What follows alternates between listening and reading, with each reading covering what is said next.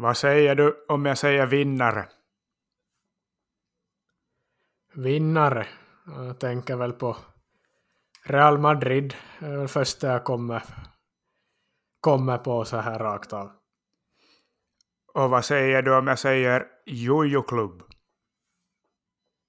Ja, då finns det ju West Bromwich och Watford och Norwich och några engelska lag är väl de som kommer upp först.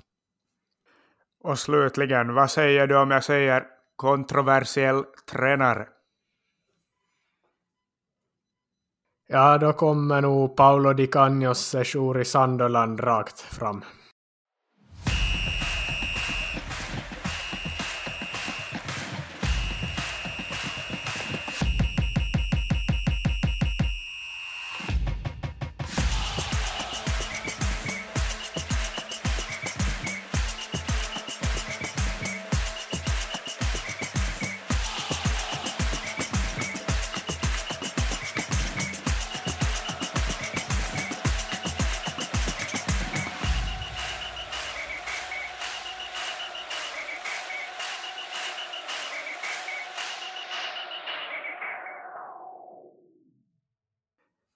Jaha, välkomna ska ni vara alla lyssnare till ett nytt avsnitt av Fotbollsbrödernas podcast.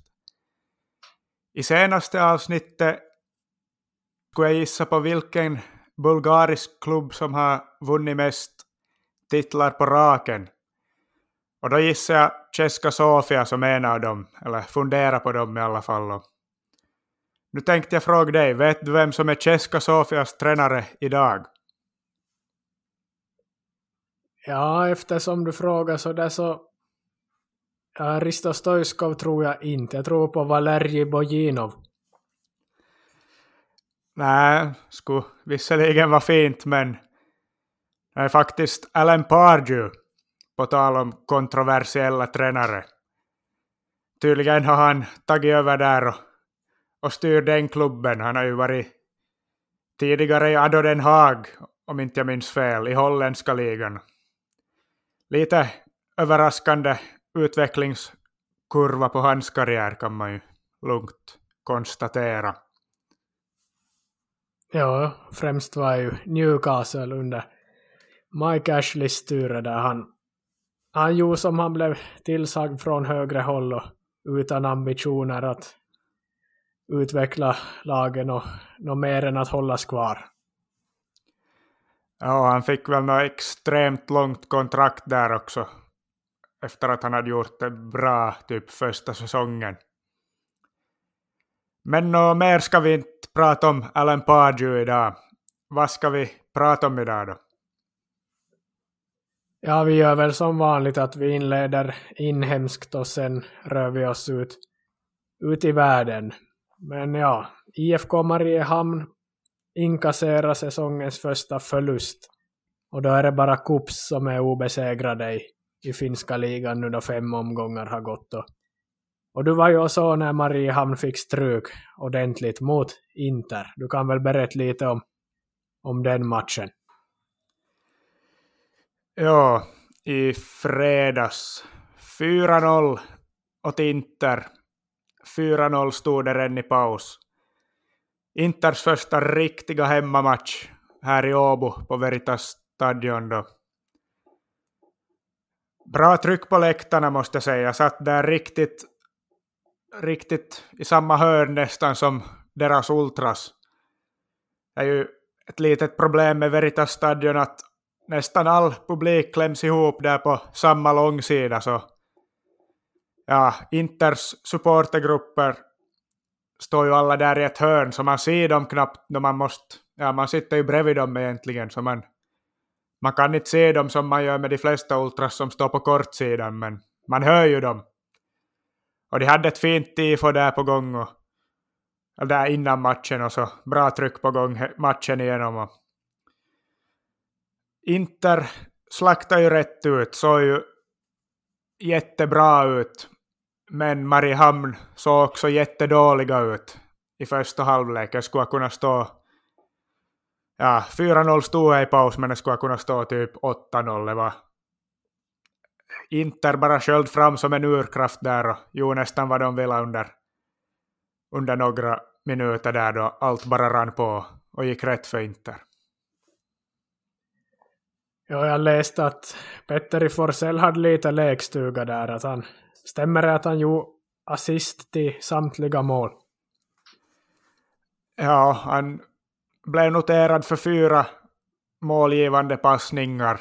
Den där ena vet jag inte om den borde räknas, för den var ett inlägg som lite nickades av en Mariehamn-försvarare, jag tror det var Timi Lahti, och sen gick vidare till en interspelare som satte in bollen i mål, så är så det frågan om, men ja, åtminstone var han ju högst delaktig i alla fyra målen och officiellt blev han ju noterad för fyra assist. Så.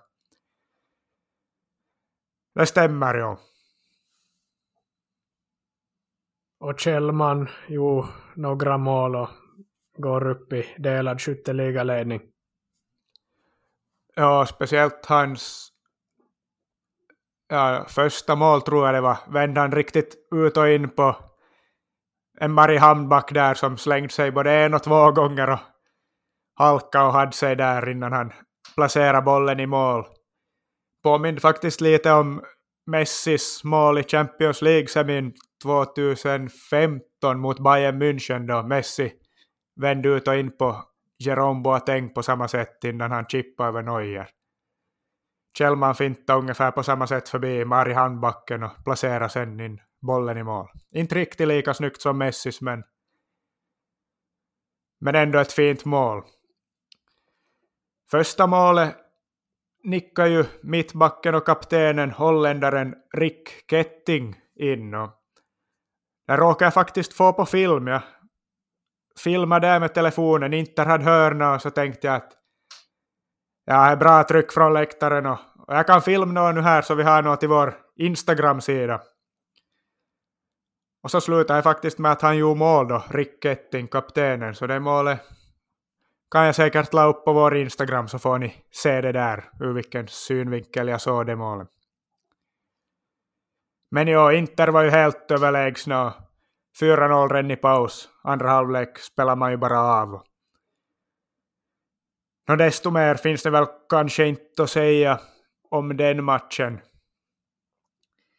Förutom att efter matchen, när jag var på väg hem, stötte mig på en, en välkänd profil i, i parken där du cyklade. Nämligen Antoni Annan, före detta Interspelaren som ju nu spelar i TPS. Han hade varit och sitt på matchen och jag, jag såg där att han ser bekant ut han som går där framför mig. Och, och visst, visst är det Antoni Ananne dennan. Och nu var ju det nog. Så jag kunde ju inte bara hålla mig utan jag måste ju ändå gå fram och prata med honom och stanna honom lite. Och han var trevlig och, och vi skojade lite om att jag hade ja, att jag höll på han och höll på Ghana som liten grabb, nioåring i VM 2010 då Ghana gjorde en bra turnering och han, han tyckte det var ganska sjukt att en finsk nioårig pojk höll på Ghana och så deras matcher i VM, men han verkar i alla fall uppskatta det. Det var ett trevligt litet möte där med Antoni Annan. Antoni Annan, för de som undrar, vi gjorde ett avsnitt av de största, om de största utländska profilerna i finsk fotboll som har kommit utifrån Då. Och han var ju en av dem vi nämnde där. Och, ja, han spelar i Bundesliga och, och i VM kvartsfinal med Ghana, så han är ju en profil verkligen. Ja, ganska sjukt att man bara ser han här då gående i en park i Åbo om man tänker på det hela ur ett lite större perspektiv. Just i det avsnittet berättade jag ju också om hur det gick när jag spelade mot honom. Då jag spelade för VPS och han spelade för Inter och vi möttes i en träningsmatch. Inter vann 7-1. Katastrofmatch från vår sida, från min egen sida, men jag påminde honom faktiskt, eller frågade om han mindes den matchen och det gjorde han faktiskt. Och det, skrattar vi ju åt nu så här två år i efterhand. Men ja, Antoni Annan var en, en trevlig typ, vad det verkar i alla fall. Så nu har man talat med han också. Kanske man skulle borde fråga efter en bild, men ah, ja. jag nöjde mig med ett, ett samtal istället. Om han skulle ha kommit hem från en landslagssamling, från ett VM-kval kanske, man skulle ha frågat efter en bild, men en spelare i Jukkönen, kanske inte. Men jo, vi konstaterar att Inter slakta IFK Mariehamn och härnäst väntar ju HJK som, som vann Helsingfors derby och, och sköt IFK Helsingfors ännu, ja, ännu längre ner i, i tabellen och fem omgångar är spelade nu. Man ska inte dra för stora slutsatser men vi kan ändå konstatera att tabellen är ganska ja, som man förutsåg. Det ser ganska ut som, som man kunde tippa på förhand att lagen i toppen och lagen i botten är, är de lag som har tippats vara där. Med undantaget SJK. På, som är på ja, den negativa överraskningen. Och då möjligen Haka som är den positiva överraskningen att de skulle kunna byta plats i tabellen. Men jag går lite lite dåligt för SJK, men annars är det ganska, en ganska förutsägbar tabell. Ja, SJK har ju haft väldigt svårt spelschema nu inledningsvis. Men nu har de ändå underpresterat. De har väl spelat mot HJK, Kups, Honka, Ilves förlorade de nu senast HIFK mötte de ju första matchen, det var enda de har vunnit. Men ja, de förlorade ju 6-1 var det väl mot Honka här förra veckan. Och, och mycket har ju inte gått SJKs väl, får man ju ändå säga. Så nu är det viktiga veckor som väntar här för att de ska vända sin säsong. Lite lättare spelschema, men man går in i det med stukat självförtroende efter bland annat en 6-1 förlust mot Honka. Men annars, ja, som du säger, eh, Veikkausliga-tabellen ungefär som man hade förväntat sig. HJK hade vi ju tippat att skulle springa iväg med guldet förstås, och nu är de väl andra och kuppsleder, men, men ungefär i stora drag så är det vad vi hade förväntat oss. Så HJK kommer här mot Inter igen. Men den här gången spelar de i Åbo. Och det är ju en match som jag är på väg att se på. För att se hur det går nu då. Senast vann ju Inter överraskande med 4-1 borta i Helsingfors. Så. HJK har ju chans att ta revansch här. Eller så tar Inter och överraskar en gång till. Jo, men det finns förutsättningar för att du får se en, en bra fotbollsmatch. Och annars så spelar sig ju också massa kupp, finska kuppen nu i veckan och är ju lite speciellt då det råkar sig att flera lag möter sina egna farmalag. Är väl egentligen inte nå, någon sån lottning som slumpmässigt har gjorts utan är någonting som man har kommit överens om på förhand att man ska möta sina farmaklubbar när, man, när det blir dags. Och är ju, är ju helt sjukt om man tänker efter. Men finsk fotboll i ett nötskal. Ja, det är väl en regel att de måste spela mot varandra för att inte ja, jag vet inte, ställas mot varandra i ett senare skede och kunna ja, manipulera utgången då. Men ja, speciella tider då då det blir så. Det har ju varit så i några år redan ungefär. Ja, i det här skedet av säsongen så spelar de ofta mot varandra, farmalagen eller första lagen mot farmalagen. Och ja, SJK ställs väl snart mot SJK Akademia som de nu har gjort i flera år i rad. Och, och sånt så. Ja, så det är ju speciella tider i kuppen och det, det blir så här. Ja, annat gällande spelschema så, som sagt HIK spelar mot Inter nu och de har väl tre matcher inom loppet av lite drygt en vecka här nu och är väl för att de ska spela. Ja, få undan en massa matcher nu på våren inför sommarens ja, Champions League-kval så man kan va, optimera sina chanser men vi får se hur det, hur det går sen då men vi kan väl lämna finska ligan och fundera lite på finska spelare. Och då har väl Pohjanpalo gjort mål igen. Och han är ju, som vi har nämnt tidigare, uppe i, i skytteligatoppen. Och han är delad skytteligaledning i Turkiet nu med, med 15 mål. Och hans säsong bara även om laget går dåligt så han, hans individuella status har väl höjts ännu mer eftersom han fortsätta röra in mål här i, i Turkiet där Trabzonspor för övrigt vann ligan nu för första gången sen är väl början av 80-talet eller slutet av 70-talet första gången och icke Istanbul-klubb har vunnit på ja förutom vad heter de, Bursaspor men på jättelänge och är ju kul när sånt händer och var fina scener från gatorna när där i Trabzon när de firar guldet. Ja, men tillbaks till Pohjanpalo så är det är smått otroligt att han leder skytteligan fast han spelar i ett bottenlag, Riserspor. De är faktiskt under nedflyttningsstrecket med ganska många poäng upp till säker mark, fast de vann 7-1 här i helgen och Pohjanpalo gjorde mål. 7-1 mot en bottenkonkurrent, men att man gör 15 mål, leder skytteligan i en serie trots att man spelar i ett, ja, i en nedflyttningskandidat. Det är ju är ganska sjukt och han sa väl i någon intervju här nyligen att han planen är att återvända tillbaka till Bayer Leverkusen efter, ja, efter den här säsongen till nästa säsong då lånet är avslutat.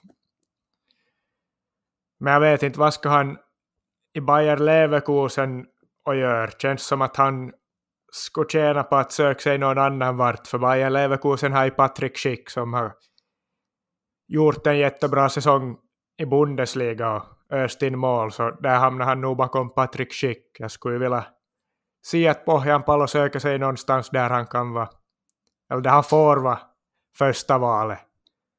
Men ändå i någon bättre liga då än Turkiet och ett bottenlag i Turkiet.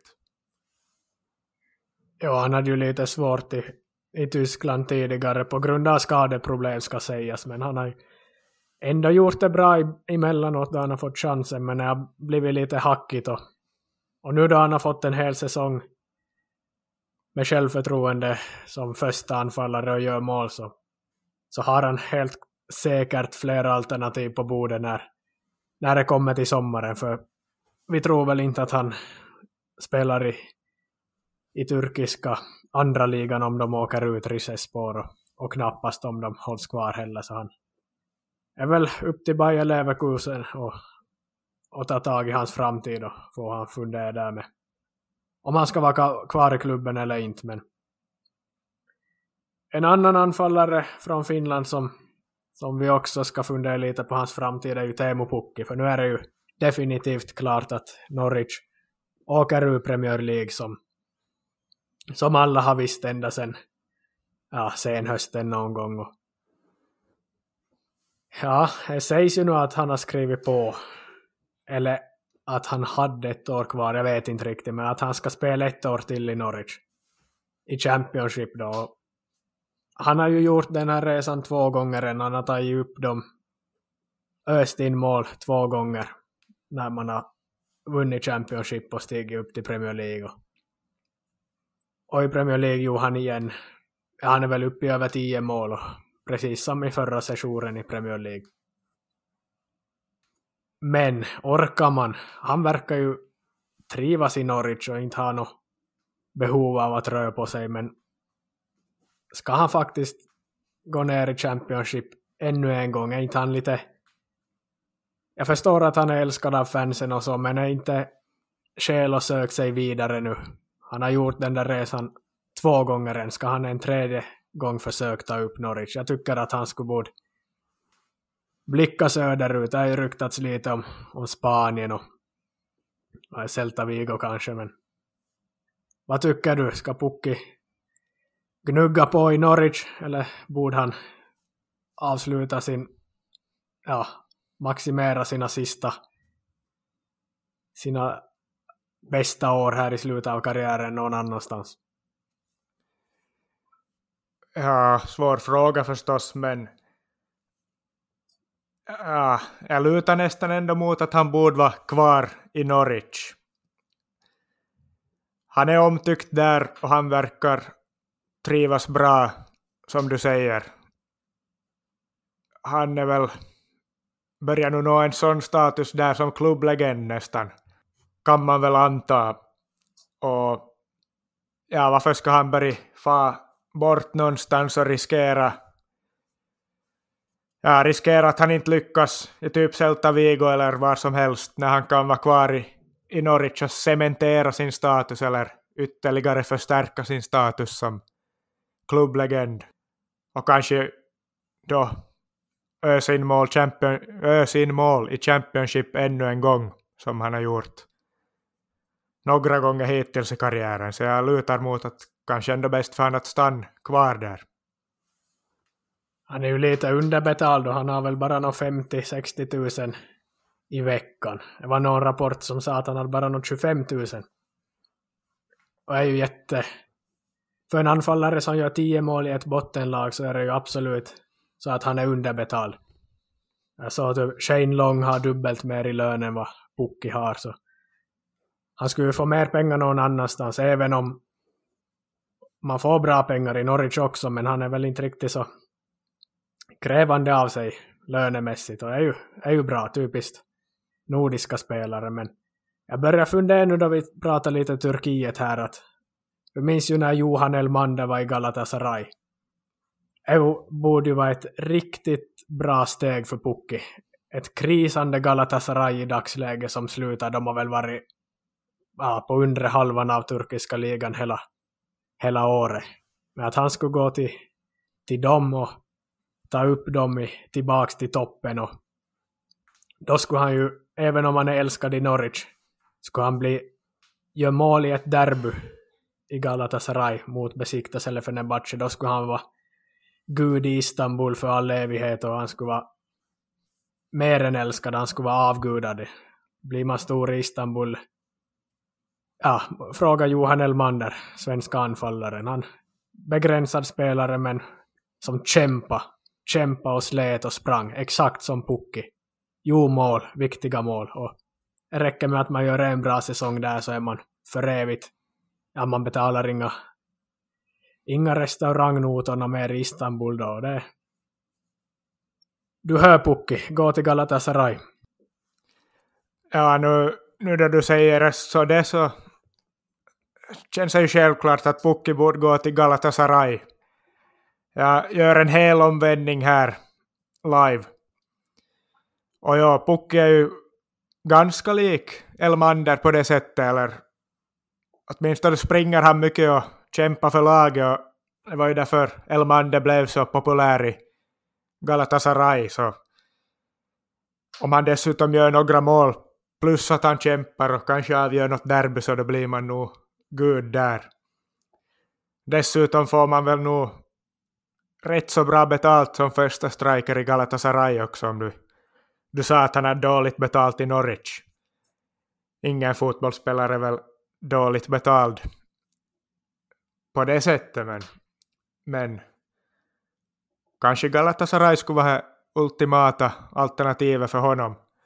Och vem vet så har Pohjan Palos framfart i Turkiet den här säsongen fått upp ögonen för finska anfallare i landet så kanske det inte ens är helt omöjligt att han söker sig dit till Galatasaray då, eller ja, vem vet, eh, kanske han landar i någon annan av storklubbarna där. Det har ju inte gått bra för någon av dem och man har ju chans att bli populär oavsett i vilken av de största turkiska klubbarna man spelar.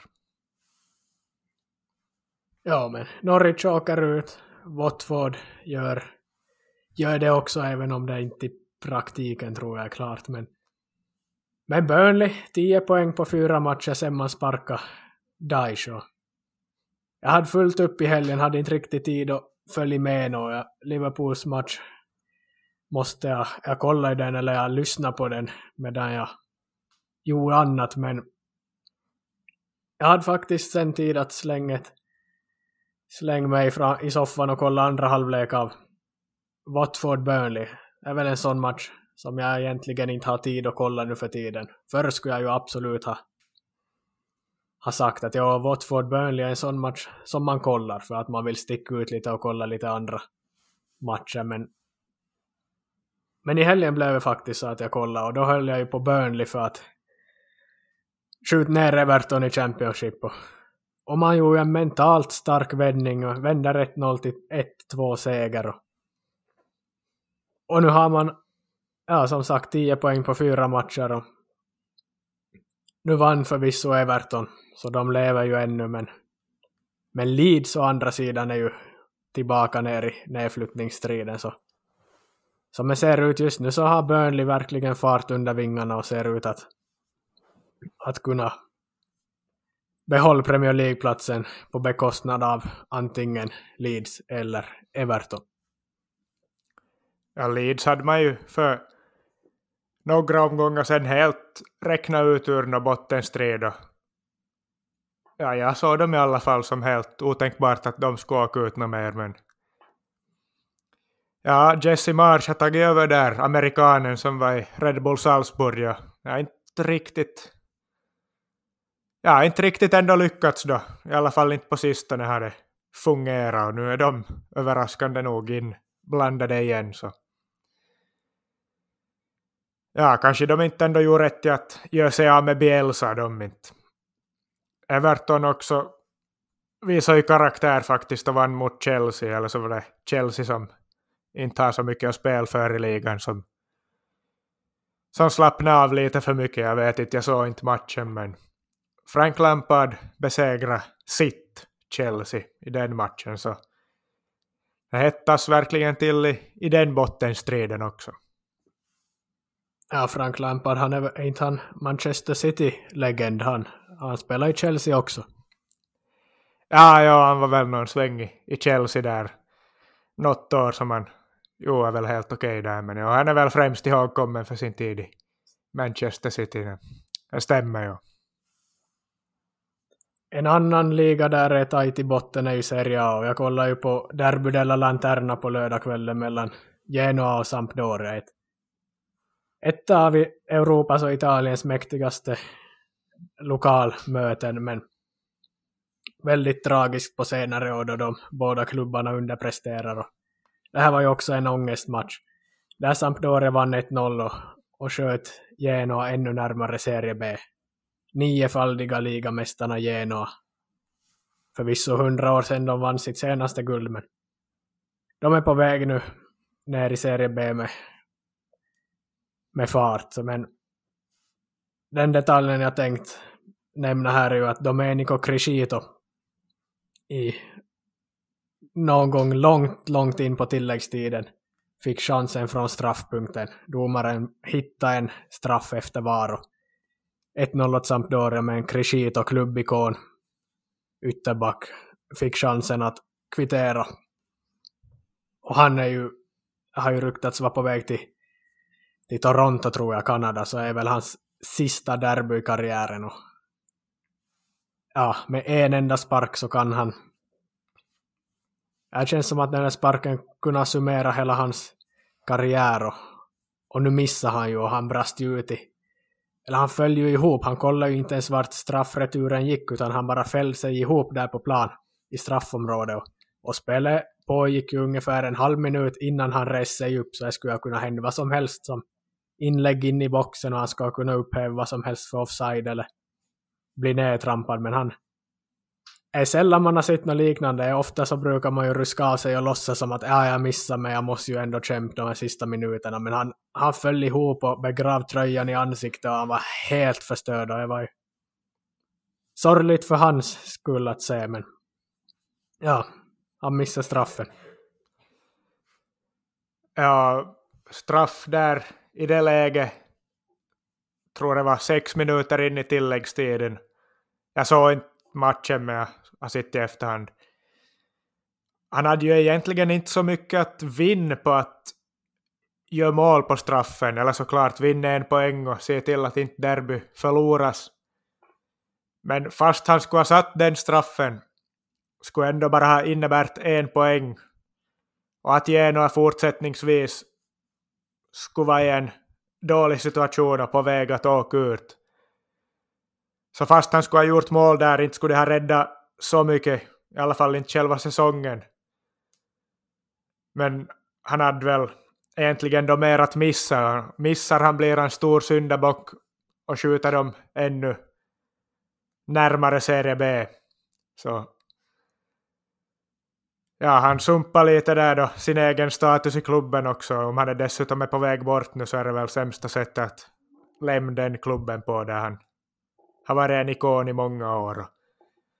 Synd att Genoa är på väg ut, man vill ha dem i Serie A. Och just det här derbyt, Derby della Lanterna, Genoa mot Sampdoria. Skulle jag få välja ett derbyfritt i Europa att få på som inte involverar Liverpool så jag är ganska säker på att jag skulle välja Sampdoria mot Genoa. Ja, men jag hade fokus på botten av Serie A, men du har väl haft mer fokus på toppen istället? Ja, jag kollade igår på ja, fortsättningen av det sjukaste scudetto-racet man har varit med om, får man väl ändå säga, efter att Inter, som ju länge hade en hängmatch, en match mindre spelad än Milan, som man alltid pratar om, och och man har räknat med att de troligtvis vinner mot Bologna. Men det var ju bara det att de inte vann då heller, utan 2-1 förlust mot Bologna. Andra målvakten Radu fick stå i mål. Jag tror Handanovic hade väl någon skada. Eller kanske han var avstängd. Åtminstone spelade han inte. Och den här Radu, målvakten, bjöd på en otrolig jättetavla på slutet och låta Bologna ta alla tre poäng där. Så nu är Milan igen i serieledning och har allt i sin egen hand.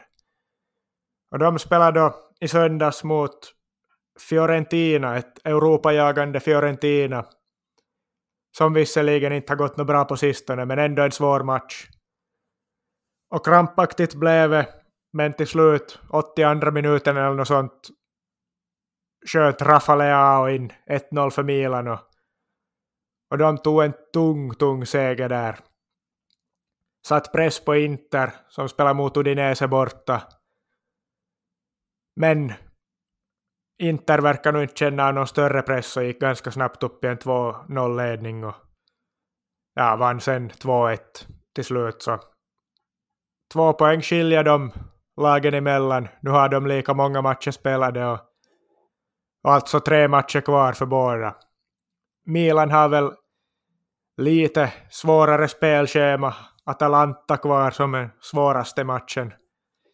Inter har lättare men Inter måste ju vinna alla matcher och hoppas att Milan förlorar minst en för Milan har faktiskt råd att spela en oavgjort eftersom de har bättre statistik i inbördesmötena lagen emellan.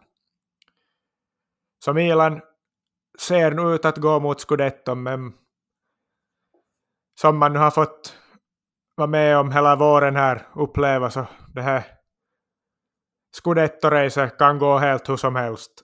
Det har svängt så många gånger nu. Jag kommer inte ihåg att jag någonsin skulle ha upplevt ett så sjukt Scudetto-race som det här som man har fått uppleva här nu.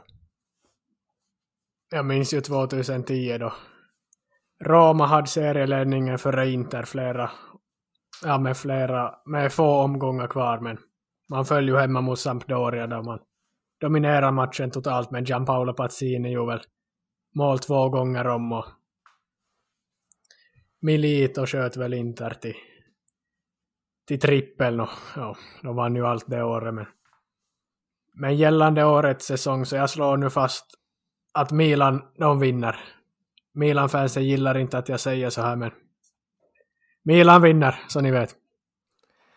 Ja, jag har ju slått fast att både Milan och Inter kommer vinna redan här under våren, så jag, jag håller nog bara tyst Jag lutar mig tillbaka och ser vad som händer.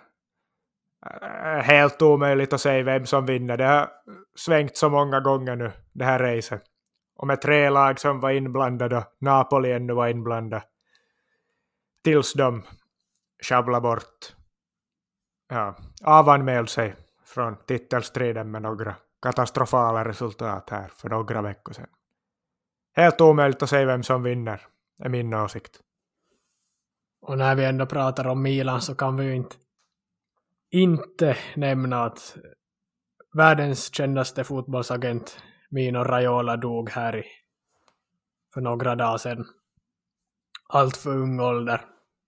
Även om man inte riktigt jag inte riktigt är något fan av agenter så är ju han en som man alltid har, har, har koll, ja, man har nåtts av allt vad han har sagt för han är väl den som har varit mest i rampljuset och jag vet att i alla fall när Liverpool har jagat någon spelare har många många vill att man inte ska värva just den eller den spelaren på grund av att Raiola är agent och man vill inte ha Raiola in i sin klubb för han är ju han har varit kontroversiell angående flera saker men han dog tyvärr nu. Men jag tänkte lite fråga dig som har varit inne i den här världen om du har något vad har du att säga om agenter? Vad är din erfarenhet av, av agenter personligen och vad, vad du har hört av dina bekanta som också har, har varit eller är fotbollsspelare? Ja, många frågor i en där nu nästan, eller bred fråga, men jag tror en ganska vanlig missuppfattning med agenter är att de jobbar som enskilda personer. Att de bara är en som jobbar för någonting. Det stämmer oftast inte. Jag vet inte riktigt hur det är med Raiola nu till exempel, men inte tror jag att han gör allt jobb själv, utan det vanliga är väl att man samarbetar, bygger upp ett nätverk och har många kontakter och samarbetspartner runt om i olika länder och olika delar av världen som ja, tillsammans bildar man då något slags agentnätverk och jobbar som lite av ett team. Man blir nästan som ett agentlag för att göra en förenkling kanske. Jag till exempel, när jag första gången kom i kontakt med någon agent var under ett EM-kval var det en agent som hörde av sig faktiskt från Irland pratade engelska då med mig och han samarbetade med en finsk agent här då som hade andra spelare i landslaget vårt och via dem hade han fått höra att jag inte har någon agent. Men han hade också via dem hört att jag inte pratar så bra finska. Och tydligen trodde han att jag inte pratade typ någon finska alls. Så därför hade han väl då hans samarbetspartner från Irland som pratar engelska och ringde åt mig och förklarade att vi skulle vara intresserade av att jobba med mig och, och vad de nu sa att de hade ja, att de skulle kunna fixa mig till en klubb i Italien på provspel. Där i Italien hade de ju då en annan agent som jobbar, samarbetar med dem från Italien. Och klubben, det var ju då Parma, så jag for dit på provspel. Och allting som skedde där i Italien, det tog min, ja, deras kontakt i Italien hand om. Och han hängde ju med där och allting. Så det är väl ganska vanligt att det fungerar så här att de har kontakter i olika länder som man samarbetar med, men det här var ju förstås på betydligt lägre nivå än vad Raiola har varit verksam på, de största agenterna, men, men ganska långt är det väl så det fungerar, att man samarbetar och bygger upp nätverk och ja, bildar nästan ett team då som man helt enkelt jobbar för. Ja, väl, du skulle väl kunna göra ett helt avsnitt om, om de här ämnena. Vi, vi kommer ju någon gång gå in på, på din klubblagskarriär också, alla provspel du har varit, varit på och din tid i Italien, men inte idag. Men vad, har du hört så här kort bara om några agenter som man hör ju ofta negativt om dem också. Har du hört någon som har blivit riktigt lurad eller utnyttjad? Ja, nu finns det ju alltid sådana exempel, men ja, nu just kommer jag nog inte på något konkret här som någon story eller något som nu skulle vara värd att dra här, men nu, nu finns det ju sådana exempel, men ofta på typ lägre nivå, jag vet inte, kanske nå division 2 i Finland eller sånt kan folk komma i kontakt med. Ganska skumma agenter om man säger så, som kan leda till både missförstånd eller att man blir lurad eller, eller sådana saker. Så det är väl kanske mest på lite lägre nivå som ja, det är vanligare med med lurendrejeri bland agenterna. Ja, men vi lämnar väl agenterna där för, för den här gången och vi gratulerar Real Madrid till en ny ligatitel i Spanien. Men, eller nej, jag gratulerar ju aldrig Real Madrid till någonting, men konstaterar. Men vi gläds åt Gareth Bales tweet. Han, han tweetar ju ganska roligt när Real Madrid firar guldet på Bernabeu. Han skrev väl att han var besviken på att inte kunna delta i firandet. Han var väl enda spelaren som inte var där. Han, han hade tydligen drabbats av kramp så han kunde inte vara med. Han har väl gjort fem matcher i ligan den här säsongen. Och ja, han, säga vad man vill om honom, men han är nog... Jag tycker det är roligt att han håller på så här mot ja, världens största klubb. Håller han på och driver med dem. Han Wales Golf Madrid in, in that order som är stor på flaggan. Han är frisk när Wales spelar sina landskamper men i världens kanske största klubb då så ja, han gör ingenting. Han spelar som sagt fem matcher bara den här säsongen och ja, han kommer ju lämna nu, kontraktet går ut. Hans framtid är osäker. Hänger väl lite på om Wales går till VM. Han har öppnat upp att han till och med kan tänka sig sluta karriären om inte Wales går till VM i november. Och amerikanska klubbar har ju ryktats som nästa adress också. Men roligt, uppfriskande att en av världens största kan håna en av världens största klubbar på det här viset. Ja, det sjuka är ju att det här har pågått i flera säsonger och de har inte fått bort honom hur mycket de än har försökt. Hans agent försöker väl ännu hävda att han är en klubblegend där och att fansen borde vara tacksamma för allt vad han har gjort till dem. Men svårt att vara tacksam när han gör narr av dem på samma gång som han har gjort på de senaste åren. Klart han har gjort mycket bra för dem också, men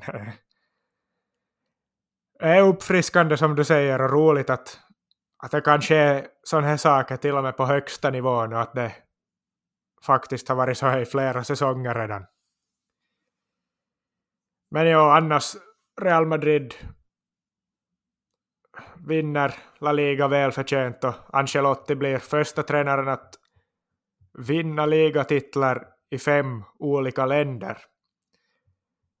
Det är ju inte dåligt ja, inte bara i fem olika länder utan i topp fem ligorna. Kan hända att någon har vunnit i fem olika länder för men i topp fem ligorna är han den första som har vunnit alla. Så det får vi väl gratulera Ancelotti till, en underskattad tränare. Ja, han är ju han är en bra tränare, absolut. En av, en av de största. Men det blir kul att se då när Bale gör hattrick i landslaget nästa gång. Innan vi lämnar Real Madrid så jag förstår ju om man själv skulle hålla på dem. Man skulle vara väldigt frustrerad då Bale håller på så här men men vi som utomstående kan bara skratta åt spektaklet. Men han har, han har avgjort två Champions League-finaler. Han har gjort mer mål än flera av deras ja, av deras största någonsin. Han är, de har fått ut vad de betalar för honom, även om det var stora summor. Så. Han har gjort många viktiga mål där, även om han, i, som du säger nu, sista tiden, sista två, tre säsongerna har varit ja, helt utanför laget stundtals. Jag tänkte ännu kort i, i spanska ligan noterar jag ju att Sergio Busquets gjorde mål för Barcelona igår. Och är ju en av, ja kanske den allra bästa mittfältaren i världen. Han är ju en av bäst spelöga har han i alla fall. Finns ingen, vågar jag påstå, som har lika bra spelöga i hela världen som han, men han gör ju sällan mål. Och nu tänkte jag testa dig. Vet du hur många mål han har gjort i, i Barcelona under sin karriär? Uh, eh, Nå, vet jag ju inte så här på rak arm, men känns som att jag kan komma på ganska många ändå, så jag säger 16 mål. Ja, du är långt ifrån. Det hela 20 mål, så du var hela fyra mål ifrån där. Så dåligt gissat. Ja, man får ju skämmas. I landslaget har han gjort två mål.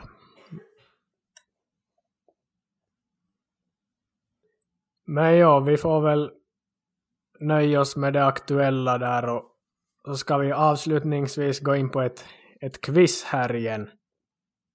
Innan vi går in på dagens quiz så kan jag säga lite om förra veckans. Vi, efter att vi hade släppt vårt avsnitt så lyssnade jag på Toto Balutto och de kom ju faktiskt in på samma ämne samma dag om vilka lag som har vunnit flest raka ligatitlar i följd. Och då nämnde ju Gusten där att Rosenborg, han trodde att de aldrig kom upp i 10. Och då blev jag ju lite orolig att vi hade sagt fel här i våran podd. Men, men det var nog rätt att de uppgifterna vi hade, de har ju vunnit ja, vad är 13 raka ligatitlar så vi hade nog rätt uppgifter där. Men är du redo för ett nytt quiz? Ja, det är jag. Ja, det här blir ett, ett quiz där jag testar dig på fotbollsarenor runt om i världen. Jag har 20 stycken fotbollsplaner, fotbollsarenor, som jag kommer räkna upp och du får helt enkelt säga vilket lag som spelar på vilken arena. Om inte du råkar veta laget kan du också säga vilken stad arenan ligger i eller ifall det skulle råka vara så att ett landslag spelar på, på den här arenan. Har du förstått? Ja, jag har förstått reglerna och jag kan ju passa på att inflika här att arenor och stadions, det är lite av min svaghet. Eller åtminstone en av mina svagare sidor när det kommer till fotbollskunskap. Så jag vet inte varför. Jag har försöka bli bättre på det men jag har på något sätt svårt att bara få in dem i huvudet helt perfekt. Men jag ska göra ett försök nu och så ska vi se hur det går. Yes, jag har nog försökt att hålla det på ganska lagom nivå så att alla ja, alla fattar och förstår vilka arenor jag är med. Jag kommer inte gå ner i, i tredje divisionerna. Jag kommer nog vara på hyfsat hög nivå men ändå jag kommer inte nämna Enfield eller Wembley eller Stamford Bridge eller Camp Nou såklart inte utan jag kommer gå lite på lite andra arenor. Vi kör igång. Ja, jag är beredd. Vi börjar med Molyneux Stadium. Wolves. Wolverhampton är rätt. Och vi går vidare till De Kuip. Feyenoord. Också rätt. Estadio José Alvalade. Ja, alltså det är just de här spanska namnen och spanska arenorna, det är just de jag har som allra svårast med. Getafe är det ju inte. Och det är inte Betis och inte Levante, inte Rayo Vallecano. Säg arenan igen, kanske ploppar upp i huvudet. Estadio José Alvalade. Och jag kan säga att du tänker fel.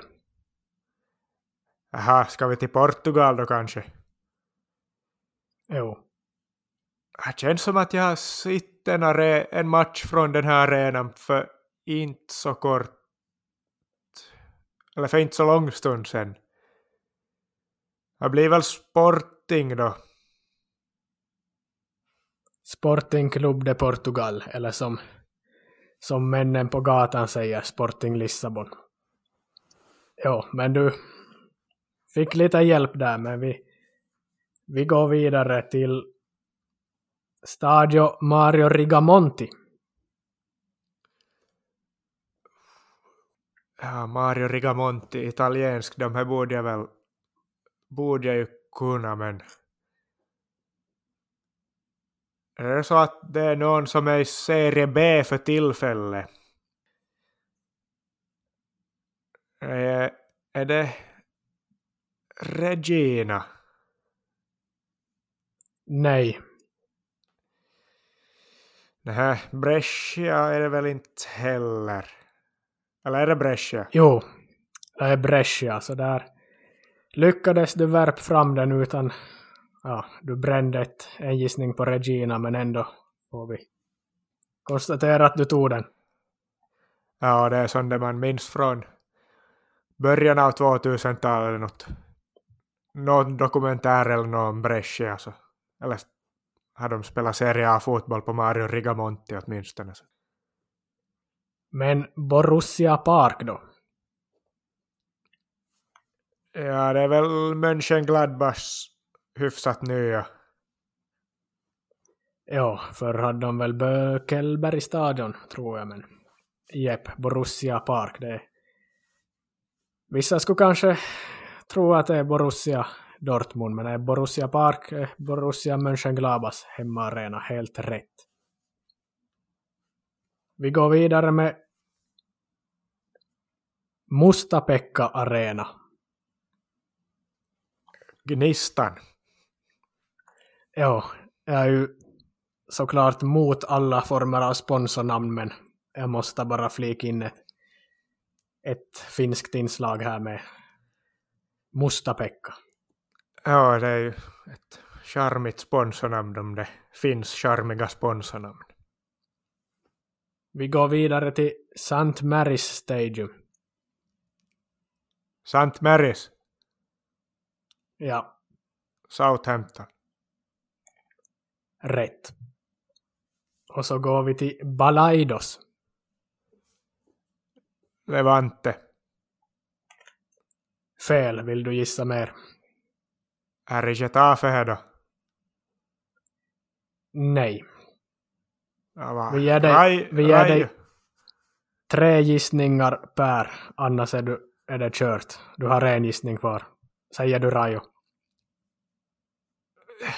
Ja, alltså det här borde man ju kunna med. Jag, jag har ju sagt Rajoren så jag måste säga Rajo.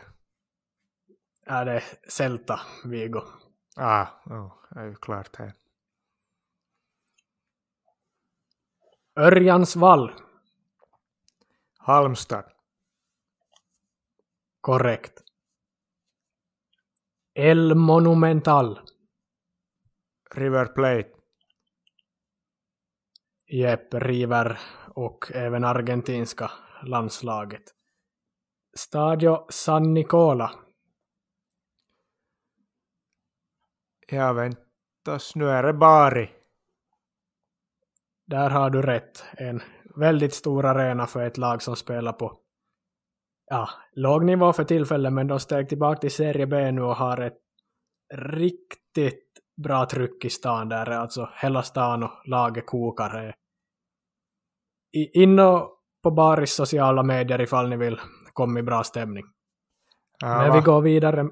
Fem för att köpa en gammal Bari-tröja här för en tid sedan då jag, som jag ibland är in och kollar på Classic Football Shirts-sidan och kollar om de har några bra dealar där. Jag var väl fem före då att man skulle ha köpt en gammal baritröja men var väl onödigt dyr frakt så det blev inte till slut.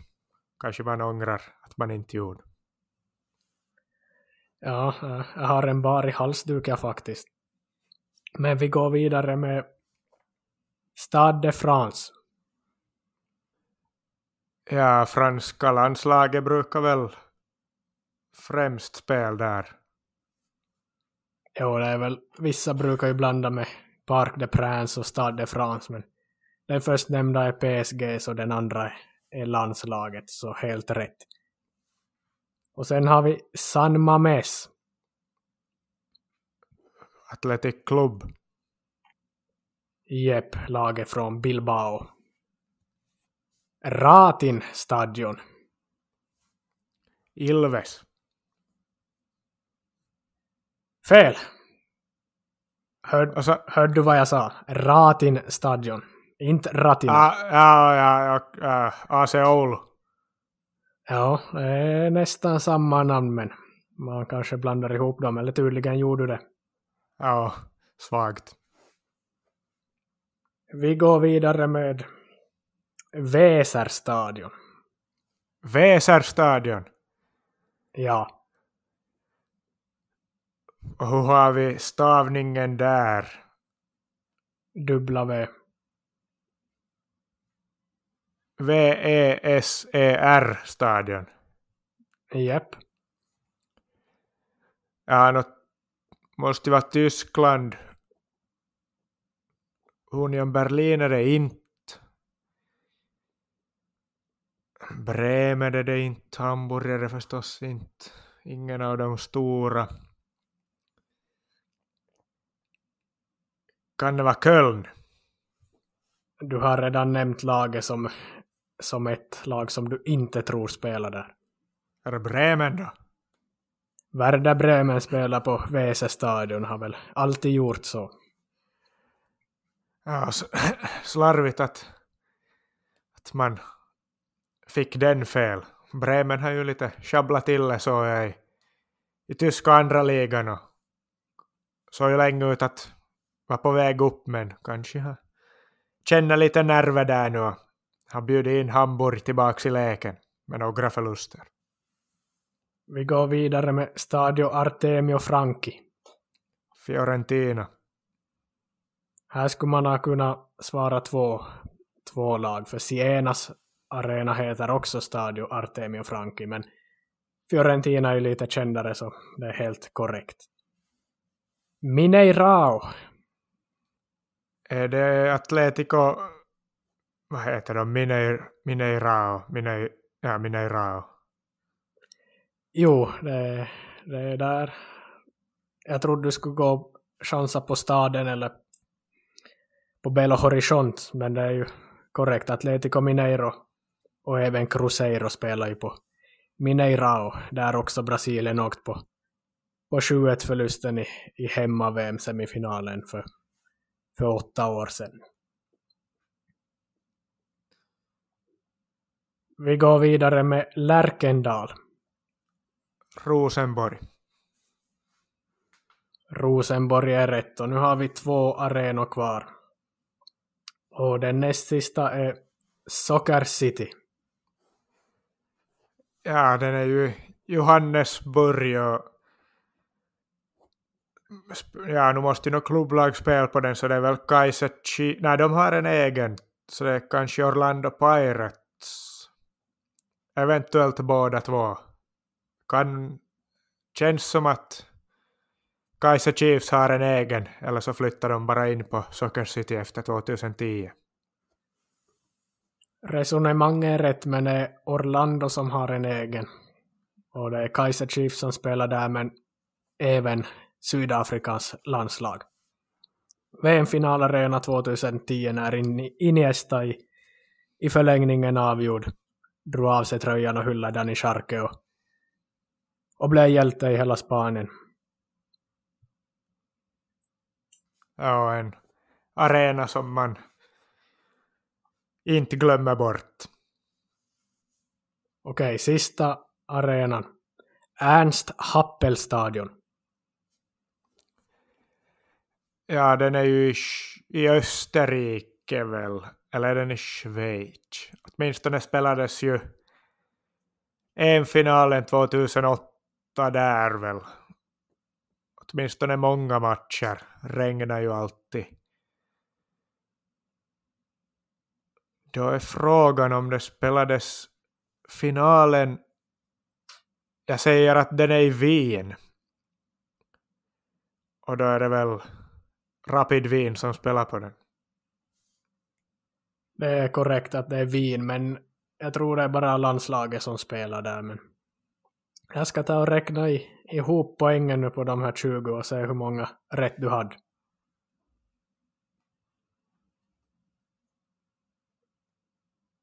Okej, okay, det verkar som att du fick 13 rätt och alltså 13 helt rätt på första gissningen och fem stycken värpte du ut efter att ha gissat på några andra eller fått lite hjälp på traven. Så du kom upp i 18 ungefär då, men hade du väl två helt, helt fel gissningar och lite otydlig tolkning, men ungefär mellan 13 och 18 beroende på hur, hur noga vi går där. Men ändå, det var inte de lättaste arenorna, inte heller de svåraste, så vi får nog ge det godkänt idag.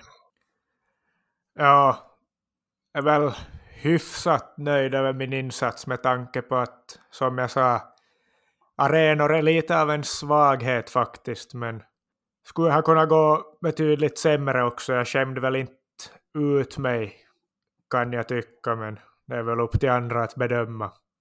Får vara hyfsat nöjd över insatsen, men bättre skulle det ha kunnat gå. var ju inte 20 av 20. Så. Nej, men då får vi vara nöjda för veckans avsnitt. Ja, vi får väl vara det helt enkelt. Som jag sa tidigare, följ oss gärna på Instagram. Där lägger vi ut intressant material och bilder och videon och ni får säga er åsikter i olika omröstningar och liknande moment. Så följ oss gärna där. Och så säger vi väl bara tack för att ni har lyssnat och på återhörande.